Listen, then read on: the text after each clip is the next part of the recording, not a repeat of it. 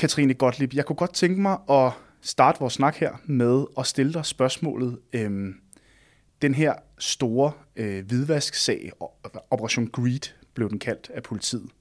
Er det retvisende fra politiets side, og også fra mediernes side, at kalde den det? Jeg tror, det er et øh, emne, som, øh, som jeg har været inde på lige fra, øh, fra vi fik en sikkelse tilbage i oktober måned 2017.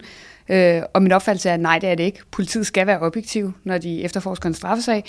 Og jeg synes i virkeligheden, at medierne de løber lidt politi- og anklagemyndigheds ærne ved at, ved at køre den videre. Øh, jeg ved godt, at der nok er flere clickbait i at kalde noget Operation Greed, end at kalde det fakturasagen eller hvidvasksagen.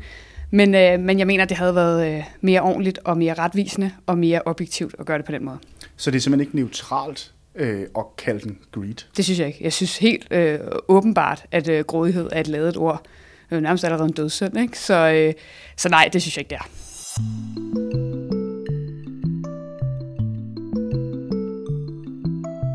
Det er fem år siden, at K-News blev en realitet. Derfor har vi inviteret fem juridiske profiler i studiet for at se tilbage på de år, der er gået, og få deres syn på, hvilken udvikling den juridiske verden har været igennem siden 2017. Men vi skal også videre, og derfor beder vi vores gæster om at komme med bud på, hvad de ønsker, at vi på K-News skal afdække de næste fem år. Feltet er bredt, perspektiverne er mange, men fælles er en oplevelse af en branche, hvor kompleksitet og udfordringer står i kø.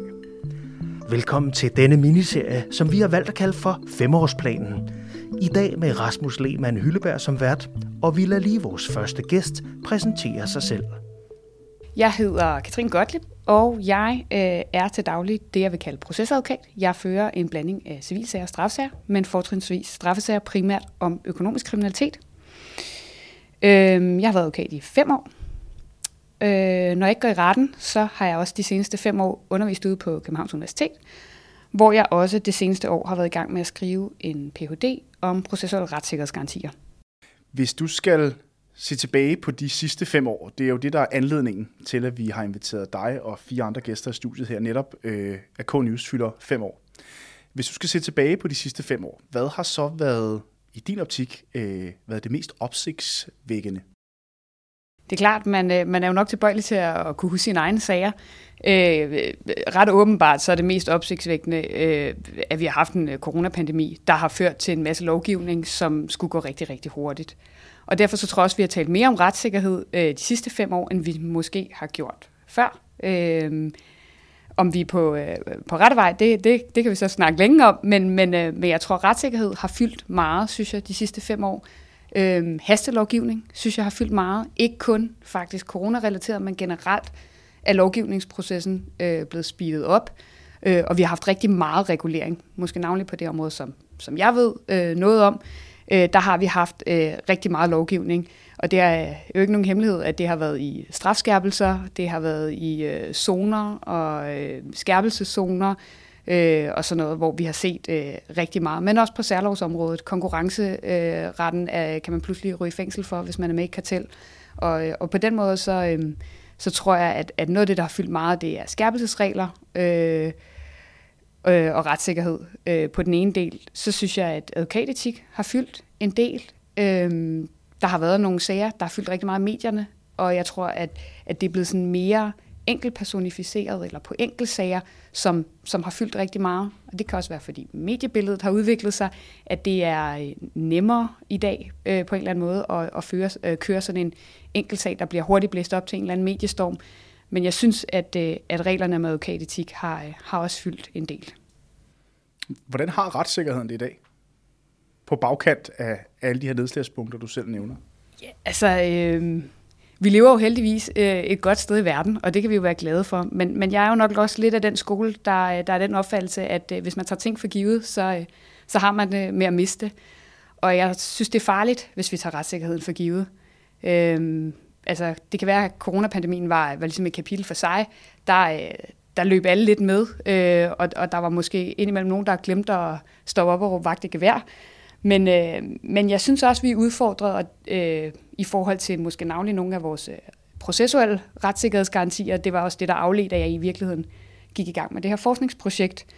Det er sådan, at man for 10-12 år siden, tilbage i, ja det er mere end 12 år siden, 2009, der lavede man i, øh, i EU-regi øh, øh, et Stockholmsprogram, hvor man ligesom lavede en vej for processuelle retssikkerhedsgarantier. Og retssikkerhedsgarantier skal jo øh, balancere i forhold til, at man udvider muligheden for at øh, rensage hos folk og lave en masse indgreb strafprocessuelt, at så skal man også have nogle retssikkerhedsgarantier, der sikrer den sigtede eller, eller mistænkte. Øh, og i kølvandet på, øh, på det program, der har man i EU-regi lavet seks direktiver øh, om retssikkerhed. Øh, vi har jo som bekendt et, et forbehold, og vi har ikke implementeret nogen af dem. Og det vil sige, at, at hvis man kigger på det generelle niveau i EU over de seneste 10 år, og dermed også de seneste 5 år, så er det steget. Der er kommet øh, øh, hvad hedder det, bedre tolkeforhold, der er øh, direktiver om uskyldsformodning og om retshjælp og alt muligt. Øh, I Danmark har vi ikke implementeret noget af det. Justitsministeriet lavede en undersøgelse i 2015, hvor at man sagde, at vi lever ikke op til direktiverne på alle områder, øh, i hvert fald ikke helt. Vi gør det delvis på nogle områder, men det vil koste penge, øh, hvis vi skal implementere. Og det er jo ret åbenbart, at retssikkerhed koster penge. Og, øh, og der hænger vi lidt i dag. Så jeg synes ikke, at øh, jeg synes ikke, at vi har det så godt i Danmark, retssikkerhedsmæssigt, som vi har haft. Nej, for vi, øh, nu nævnte du selv øh, strafskærpelser eller skærpelser af det her. Vi har jo blandt andet set, at myndighederne har fået udvidet hjemmel til at, at rensage eller trænge ind i, i privat ejendom hos, hos, hvad hedder, hos folk med fodlænke og lignende, ikke sandt? Øh, altså, er det et eksempel på det her? Ja, og så tror jeg, at nogle af de første, som måske sådan fik, fik nogle af os til lige at, at hoppe i sædet, øh, det, det var, øh, da man lavede de her differentierede øh, skærpelsesregler, alt efter hvor du begår kriminalitet. Øh, normalt er det sådan, at, øh, at når vi udmåler en sanktion, eller når dom, domstolen udmåler en sanktion, så er der sådan overordnet tre ting, de tager stilling til. De tager stilling til kriminalitetens grovhed, så tager de stilling til øh, gerningsmandens personlige forhold, og så tager de stilling til det, vi kalder ensartethed i retsanvendelsen. Og når man forklarer det til studerende, så plejer man at sige, at det skal jo helst være sådan, at knytnævslag, når man går i byen i København, skal koste det samme som i Holstebro. Men pludselig så lavede politikerne nogle zoner, hvor man sagde, jamen her, der får du dobbelt straf. Men hvis du går på den anden side af vejen, så, øh, så, så får du ikke dobbelt straf. Og der, der tror jeg, de, vi så første gang det der med, hvad, hvad skete der så med ensartetheden øh, og ligheden for loven? Det var lige pludselig sådan en lille smule svært at se. Øh, så har, vi, altså, har vi som medier, eller medierne generelt, har vi været gode nok til at hvad skal man sige, grave os ned i den problematik? Fordi det er jo altså, et relativt stort problem, tænker jeg. Altså, der har jo været sådan små pip rundt omkring, øh, men jeg, jeg synes generelt, der har, der har manglet øh, lidt noget, noget kritik af den her udvikling, øh, eller i hvert fald en problematisering af det. Og, øh, og, og så kan man diskutere, skal, hvor skal den komme fra? Skal den komme fra advokaterne, eller øh, som, som er praktikere? Øh, skal den komme fra, fra den akademiske verden? Øh, eller, eller hvor skal vi, hvor skal vi ligesom øh, finde kritikken henne? Øh, men, men jeg kunne godt have ønsket mig, at det var noget, der havde været mere fokus på. Nu, nu nævnte du før øh, advokatetik, også som øh, et emne, der har fyldt meget. Øh, hvordan har advokatbranchen i din optik ændret sig i de sidste fem år? Også hvis vi skal kigge på advokatetik. Jeg tror, at øh, i de seneste fem år har jeg både siddet på, på store kontorer og, og på et meget lille kontor. Øhm, og jeg synes, øh, hvis man skal starte med alt det, det gode, så har vilkårene øh, udviklet sig positivt i advokatbranchen. Hvad betyder det? Øhm, jamen, der er kommet bedre barselsforhold. Der er mere generelt, synes jeg, fokus på diversitet. Øhm, jeg synes også, det virker som om, at der måske er, mange af stederne er lidt højere til loftet, end der var, da, da jeg var jurastuderende. Øhm, men der har også været et fokus på, at, at hvis man vil fastholde medarbejdere i dag med det arbejdsmarked, hvor alle skriger på arbejdskraft, så er man simpelthen også nødt til at, at gøre det attraktivt at være i advokatbranchen.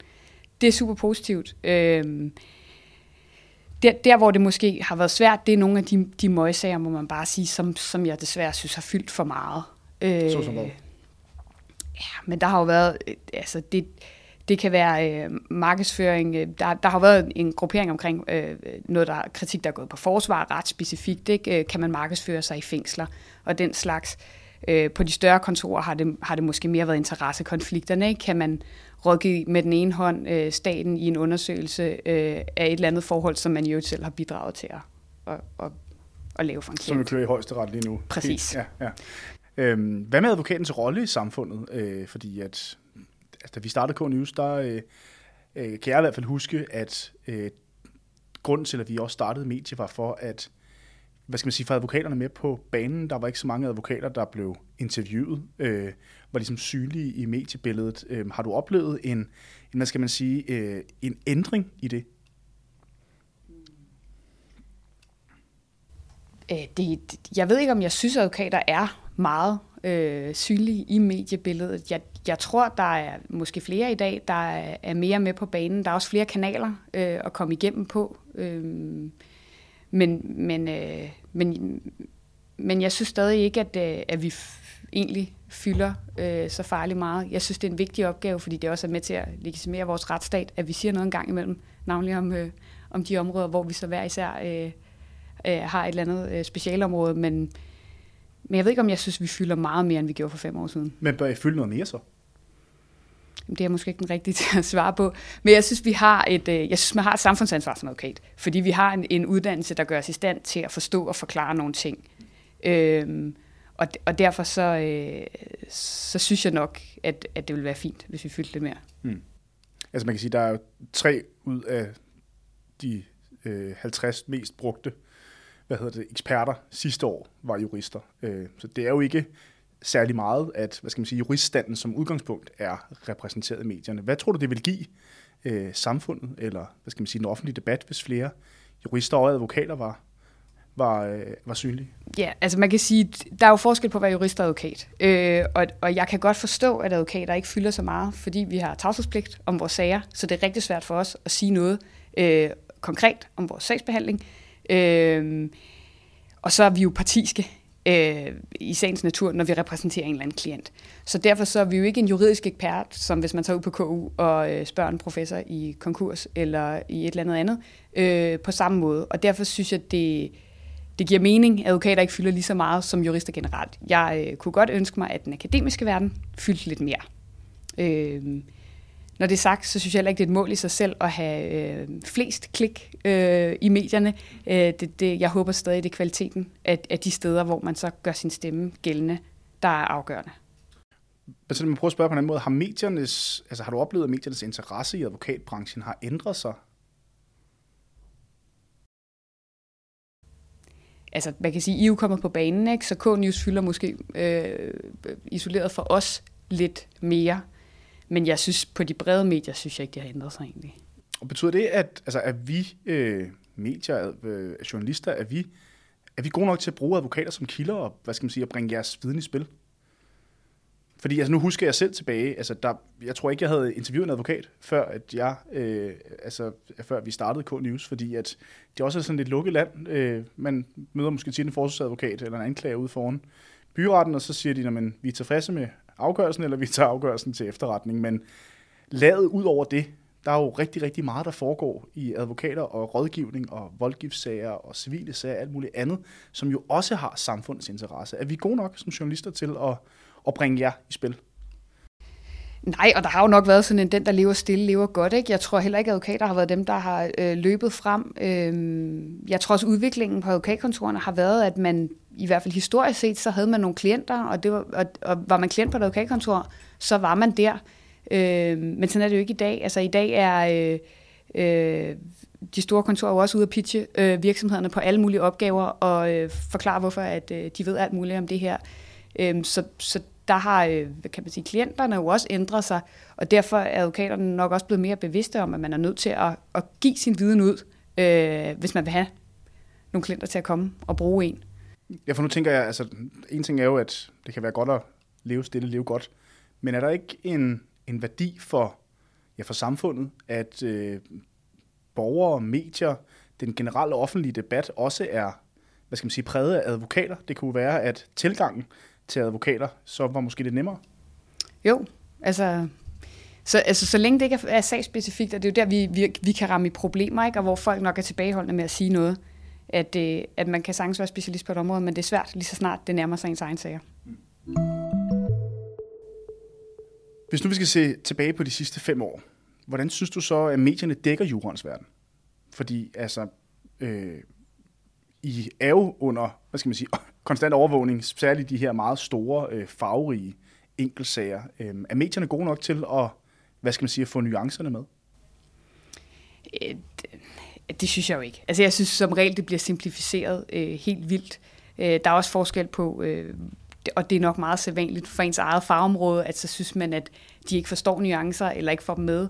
Øh, men, men, men det er jo også svært, fordi vi har måske siddet, øh, nu nævnte du selv Greed, været gravet ned i en øh, strafsag i fem år, og det er klart, at øh, jeg har nogle flere nuancer end en journalist, der har beskæftiget sig fire og et halvt minut med den og skal have en øh, netavis på. Øh, det, det, det, det er jo svært at få samme grad af, af altså indsigt i det. Mm. Altså, og hvem, altså, hvem har ansvaret her? Fordi altså, falder det tilbage på journalistens ønske om øh, hele tiden at være først ude, hurtigst med det nye, en vinkelbærende synk i tv? Altså, eller er det jer, der ikke er god nok til at, og, hvad skal man sige, at forklare jer? Øh, jamen, det er da helt sikkert en kombination. Altså, vi er jo ikke uddannet i øh, formidling. Vi er uddannet i jura. Øh, og derfor så har vi jo brug for, for de mennesker, der kan finde ud af at formidle til at hjælpe os. Og, øh, og der synes jeg, at journalisterne er for dårlige. Altså, hvis ikke, hvis ikke de får nuancer med, så, øh, så har de jo ikke dækket det godt nok. Og jeg tror, det, altså jeg ved ikke, om, om journaliststanden øh, er mindre specialiseret i dag, end den har været. Øh, men, men på mit område, der vil jeg da i hvert fald ønske, at, at, altså, at det jo egentlig var folk, der sådan retsrapportermæssigt vidste noget om jura, så vi ikke starter øh, fra Adam og Eva med at forklare, hvad er forskellen på at være mistænkt og sigtet, og hvornår der rejser tiltale, og øh, kan de bare ændre i et anklageskrift og sådan noget helt grundlæggende øh, noget. Det, øh, det tror jeg vil løfte også det generelle niveau i mediebilledet. Det var ikke noget, vi lærte på journalistuddannelsen, øh, dengang jeg læste i hvert fald. Så det, altså, det er måske meget god feedback øh, taget med videre. Hvis vi skal prøve at se lidt frem, øh, fem år, måske kortere tid, hvad er så i din optik de vigtigste emner i den juridiske verden? Jeg synes, at retssikkerheden er, øh, er rigtig vigtig, og jeg synes i virkeligheden også, det hænger en lille smule sammen med, øh, med menneskerettighederne. Ikke? Altså, vi, øh, vi har haft hele det her øh, lokningsproblem i Danmark, hvor vi så også endte med at få lavet en lov, og så gik der lige knap en uge, og så kom, øh, så kom der en afgørelse fra EU, øh, som, som gjorde, at den lov, vi nok havde vedtaget, var problematisk. Og, og der har vi jo også set en udvikling, at når man læser forarbejder i dag, så, øh, så står der jo i dem, at, at det her kan være i strid med menneskerettighederne. Hvis bare jeg kigger på, da jeg var studerende, så, øh, så gik man mere med livram og seler i forhold til menneskerettighederne, end vi gør i dag. Og det er noget, jeg håber øh, kommer til at, at fylde. Man kan jo godt få sådan en følelse af, at det der med internationale konventioner og menneskerettigheder, det er sådan noget, der er blevet øh, pålagt os af nogle ubehagelige mennesker, som vil os det ondt. Men i virkeligheden, så, så er det jo trods alt traktater, der er forhandlet på plads mellem mennesker. Øh, og, og, og der tror jeg altså, at hvis vi, hvis vi tager det for givet, så mister vi det. Men det er også en diskurs rent politisk, det her med at udfordre menneskerettighederne. Altså flere partier og partiledere har været ude at sige, at vi bør melde os ud af de, hvad skal man sige, de europæiske øh, menneskerettighedskonventioner, og vi bør, øh, hvad skal man sige, bruge dem, så det passer ind i den sammenhæng. Altså, hvad, hvilken betydning har det for, altså, for den samtale, vi har om menneskerettigheder og retssikkerhed generelt? Jamen, der er jo helt klart en politisk debat, men, øh, men, men nu er jeg ikke politiker. Jeg er jurist, og derfor så synes jeg også, det er vigtigt, at, at vi holder fast i, det er fint nok, hvis vi gerne vil afskaffe alt det der, men så mister vi også bare nogle rettigheder. Øhm, og der, øh, der kunne jeg godt ønske mig, at, at, at folk var lidt mere øh, påpasselige.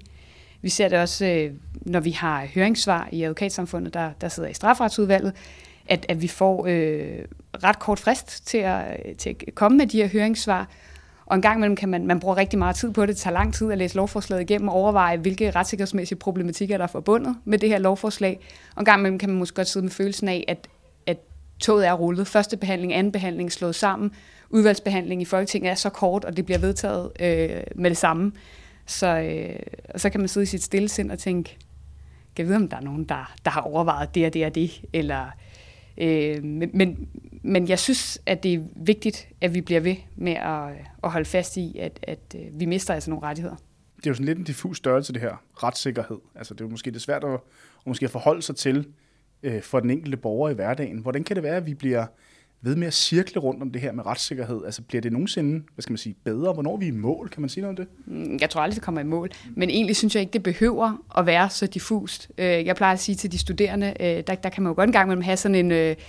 Øh, ja, men er det ikke lige meget, hvis jeg ikke har noget at skjule? Det er jo tit det, man hører fra, fra, fra folk, ikke?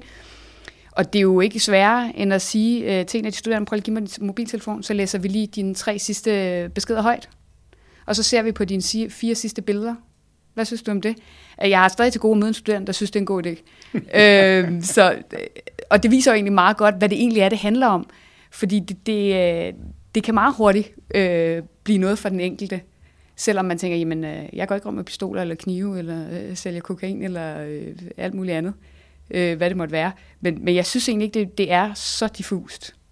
Men altså man kan sige, det, det er jo sådan helt øh, øh konkret hands-on i forhold til, ja, nu siger du, de unges brug af, af mobiltelefoner, men øh, vi snakker også retssikkerhed og menneskerettigheder som sådan nogle store traktater, og altså, har vi overhovedet nogen føling med, hvad det betyder for os mennesker, at der er de her konventioner og traktater, der faktisk beskytter vores rettigheder?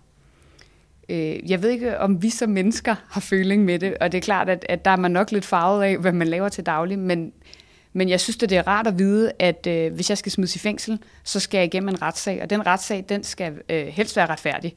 Øh, og det skal også være sådan, at jeg ved, hvad jeg er tiltalt for, og jeg skal også have mulighed for at se, hvad er det for nogle beviser, politiet har. Øh, og ikke, at de har lagt øh, fem af dem ned under gulvtæppet, for dem måtte jeg ikke se, for det talt for, at jeg skulle frifindes. Øh, så så i min hverdag, der, øh, der fylder det jo ret meget, at vi har en masse rettigheder øh, øh, for, forbundet med vores retssystem. Øh, men men jeg, det kan godt være, at vi ikke er gode nok til at øh, sådan pensle det ud for, øh, for den brede befolkning.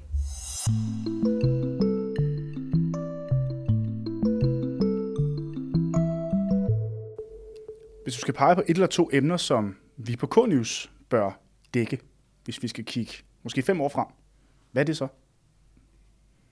Øh, jamen, så er jeg nok tilbage, hvor jeg startede i virkeligheden. Ikke? Altså, jeg, øh, jeg, jeg, synes, at jeg, jeg synes, at advokatetik øh, er vigtigt. Og jeg synes også, at, øh, at vi skal blive ved med at snakke om det. Vi har nye regler, der træder i kraft 1. september. Øhm, og det bliver også spændende at se, hvad, hvad kommer de til at betyde noget, eller kommer de ikke til at betyde så meget. Øh, vi har jo et område for, for advokatundersøgelser, der måske særligt er nyt, øh, og, og hvor man kan sige, at der, der fylder advokaterne nok mere i dag, end, end de gjorde for, øh, for fem år siden. Øh, og, og vi har set det i nogle historisk store sager, ikke? altså en rigsretssag, øh, en, øh, har vi, havde vi en advokatundersøgelse også. Øh, så, så har der været sådan en Danske Bank, der har den også øh, fyldt meget i medierne. Ikke? Øh, og så har der været helt MeToo. Øh, der har også været advokatundersøgelser i, øh, i forskellige af, af de sager. Men, øh, men det synes jeg, at vi skal følge tæt. Og jeg synes også, at vi skal blive ved med at diskutere øh, fordele og ulemper ved at bruge den form. Og, øh, og hvad er, hvad er faldgrupperne og, hvad er og udfordringerne, udfordringerne ved det? Altså set dine briller. Jamen det er jo en helt, øh, kan man sige, åbenlys øh, udfordring, at øh, den virksomhed kunne det være, der, der hyrer en advokat til at lave en undersøgelse, at man, er man så uvildig i sin undersøgelse, når man arbejder for den pågældende klient. Det er jo en, en iboende problemstilling, øh, øh, som, som man i hvert fald er nødt til at håndtere på en eller anden måde. Ikke? Hvordan sikrer vi kontradiktionen, at, at man får afhørt begge parter og alt det her, eller flere parter øh, i de sager. Hvad med de her konkrete sanktionsmuligheder på bagkant af sådan en advokatundersøgelse? For det er jo også noget af det, der har været sådan lidt diskussionen. Hvad er handlemulighederne så på bagkant af en advokatundersøgelses, øh, hvad skal man sige, konklusioner? Det kommer helt an på, hvad det er for en advokatundersøgelse. Ja. Altså, skal der starte sådan en rigsretssag, eller øh, er der en øh, chef der skal fyres? Det er jo, det er jo sådan to temmelig forskellige scenarier. Men, men det er jo, hvis vi tager virksomhedseksemplet, virksomhedens afgørelse. Mm.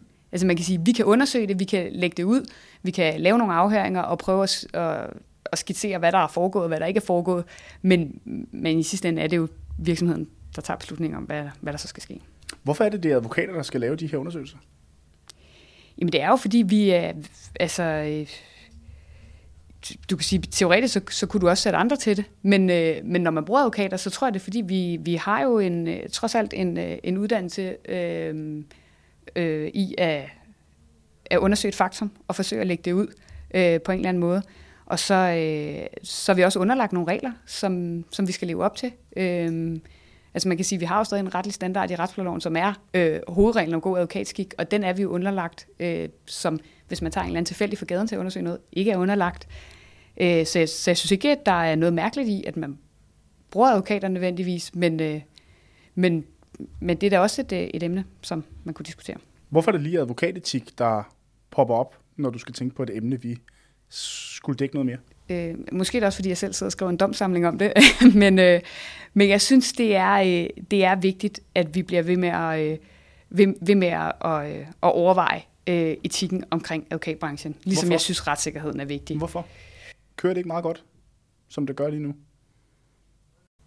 Jo, men det kan man jo godt sige. Det kører meget godt, men måske kunne det blive bedre. Altså, øh, det, det, jeg, helst ville jeg jo ønske, at der ikke var nogen sager for advokaten. Jeg vil ønske, at der ikke var nogen sager ved domstolen. Jeg vil ønske, at vi ikke så alle de der møgsager.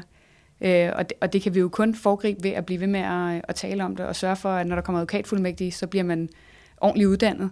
Øh, og, og altså, populært sagt er der nogen, der siger, at det er jo ikke så svært, man skal jo bare opføre sig ordentligt. Og, og, det, er jo, og det er jo sådan set også øh, rigtigt nok øh, langt hen ad vejen, at, at det er det, man skal. Men, øh, men desværre må vi bare sige, at mm, altså, kendelserne, mange af dem bliver offentliggjort på advokatsamfundets hjemmeside. Man kan jo se, at, at det går galt. Ja, for det taler vel også ind i, i de her øh, hvad skal man sige, troværdighedsmålinger, der har været til advokater, hvor at I har ligget helt nede på sådan en 18. plads ud af 20 eller 25, tror jeg, det har været. Øh, altså, hvordan oplever du, at, at troværdigheden er over for jeres stand? Øhm, jamen, altså, jeg synes, de der målinger er lidt øh, sjove at tale om, fordi jeg, øh, jeg ved ikke rigtig, hvordan man kan sammenligne en buschauffør med en advokat eller en tandlæge. Altså, det er altid sådan lidt øh, arbitrært at, at snakke om, hvem der er mest troværdig. Øh, men, men det betyder jo noget, når de der møgsager kommer for, hvordan befolkningen ser på advokatbranchen. Det, det gør det bare. Katrine, vi øh, har jo gjort det øh, med nogle af vores andre gæster, at vi øh, beder dem om at, øh, at skrive øh, en historie ned på et stykke papir, øh, som vi kan tage med os ned på redaktionen. Øh, hvis du ligesom har en, øh, en historie, du synes, vi på KNU skal skrive, kunne du ikke prøve at skrive en overskrift, øh, der ligesom indkapsler det? Jo, hvis, øh, hvis jeg skulle gøre det, så vil jeg skrive, øh, som overskrift vil jeg skrive retssikkerhedsgarantier. Øh, og det vil jeg gøre øh, med et fokus på, at, øh, at vi får talt om, hvordan får vi sikret et tilstrækkeligt højt niveau af implementering i forhold til det øvrige EU. Mm-hmm. Interessant. På trods af, at vi har et retsforbehold. Ja, men vi kan jo vedtage hvad som helst. Vi kan jo bare sige, at, øh, at vi synes, at der skal være samme øh, niveau af retssikkerhed, øh, når man er, bliver retsforfulgt i Danmark som i resten af EU. Det synes jeg må være målet. Jeg synes, det er interessant, fordi mm, på, på mit eget område, der, øh, der kommer man hurtigt ind i nogle scenarier, hvor det, det, det kan give problemer. Altså, hvis vi ikke implementerer et direktiv, og man skal udlevere en borger til Danmark. I virkeligheden, så kunne vi jo godt stå på, at der var en, sad en eller anden øh, dommer i et andet EU-ret, øh, EU-land og sagde, jamen, vi, vi kan jo ikke udlevere til Danmark, fordi vi ved jo ikke, om de opfylder de processuelle retssikkerhedsgarantier. Øh, I mit stille sind, øh, en øh, sen aften, kan jeg da godt ønske, at der var en dommer, der gjorde det på et tidspunkt, for at vi kunne få problematiseret, hvad, hvad er det egentlig... Øh, øh, for noget. Vi har jo set, at de senere år er øh, international kriminalitet øh, stigende. Og, og det er rigtig svært øh, når vi har et forbehold. Vi har øh, nu haft i lidt over et år en anklagemyndighed i EU. Det er Danmark heller ikke med i. De har forsøgt at lave en aftale med Danmark i halvandet år. Det er ikke sket. Øh, de kom med en lang rapport om, om alle de efterforskninger, der er, der er i gang der øh, her i foråret. Og nu er der kommet en hjemmel i straffeloven til, at justitsministeren kan fastsætte nærmere regler. Øh, hvis man ser på de forarbejder, så er der ikke lagt op til en, en, øh, en øh, hvad kan vi sige, materiel ændring på nogen måde, men, men nu er der da en, en eller anden beføjelse i hvert fald, øh, forhåbentlig til at indgå en, en aftale med en europæisk anklagemyndighed. Men jeg tror bare, når, altså, når kriminaliteten er, øh, er blevet mere international, vi ser også mere cyberkriminalitet, så, øh, så er det fuldstændig umuligt at komme udenom den rolle, EU har i det. Det er super interessant, du siger det der, Katrine. Jeg har lige været øh, tilbage og se på noget af det indhold, der trender og ikke trender på vores hjemmeside. Og lige præcis noget som cyberangreb, cybersikkerhed hackerangreb. Det gider folk ikke læse noget om. Hvorfor? Det er jo trist. Jamen, hvor, hvor, hvorfor tror du, det er sådan? Det skal jeg ikke kunne svare på. Jeg kan godt læse det. Godt. Jamen, det, er, det, er bare, det er bare super interessant i forhold til, til noget af det, du påpeger her. Øhm, okay, så vi skal simpelthen have mere fokus på EU strafferet. Ja, altså især retssikkerhed, synes jeg, øh, og i den forbindelse, ikke? At, at det, som jeg, øh, som jeg synes er rigtig vigtigt, at vi bliver ved med at, at problematisere også de, øh, og, og udfordre, altså at, om, om vi gør det godt nok. Mm. Fordi der, der er mange ting, der går godt, og, og, og det er jo godt, men der er også nogle ting, der ikke går så godt. Så som hvad? Fordi vi slår tit på trummen for, at vi er et af de, et af de lande, i, i hvert fald i Europa, der har den største retssikkerhed, eller, det, eller hvad skal man sige, den stærkeste rule of law. Altså, jeg synes, det er problematisk, at øh, når man i EU indfører tolkedirektiv, stort set samtidig, så afskaffer vi en autoriseret tolkeuddannelse i Danmark. Altså, det synes jeg simpelthen er tilbageskridt. Og jeg tror, for de af os, der har siddet i et retslokale, og kunne fornemme, at den tiltalte og tolken ikke forstår hinanden, eller at tolken ikke er dygtig nok øh, til dansk. Jeg kan jo ikke kontrollere deres, deres øh, modersmål, men jeg kan kontrollere deres danske. Der kan jeg godt en gang imellem tænke, hvad går der tabt her? Øh, og når de begynder at indbyrde sig snak, og der så kommer et svar tilbage, og jeg kan høre, at der er blevet talt i et minut fra min klients side, og tolken kan oversætte det til en sætning på 20 sekunder, øh, øh, så går der altså noget tabt. Og der tror jeg ikke, man skal have øh, særlig meget fantasi for at forestille sig, at hvis jeg sad i et, øh, en retssal i Kina og fik en øh, svensk tolk fra Nordsverige, så, så ville jeg være virkelig bange for, hvad, hvad var det egentlig, dommerne forstod af det, der blev sagt. Det synes jeg er, er et problem. Det bliver de sidste ord, Katrine. Super interessant og super spændende at få lov at høre dine tanker øh, om, øh, hvad skal man sige, øh, den, den juridiske verden set fra din stol.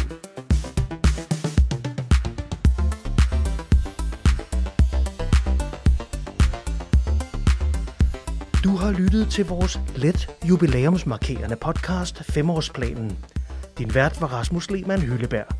Lyt med i næste afsnit af Femårsplanen, her i vores faste podcast Magtens Tredeling –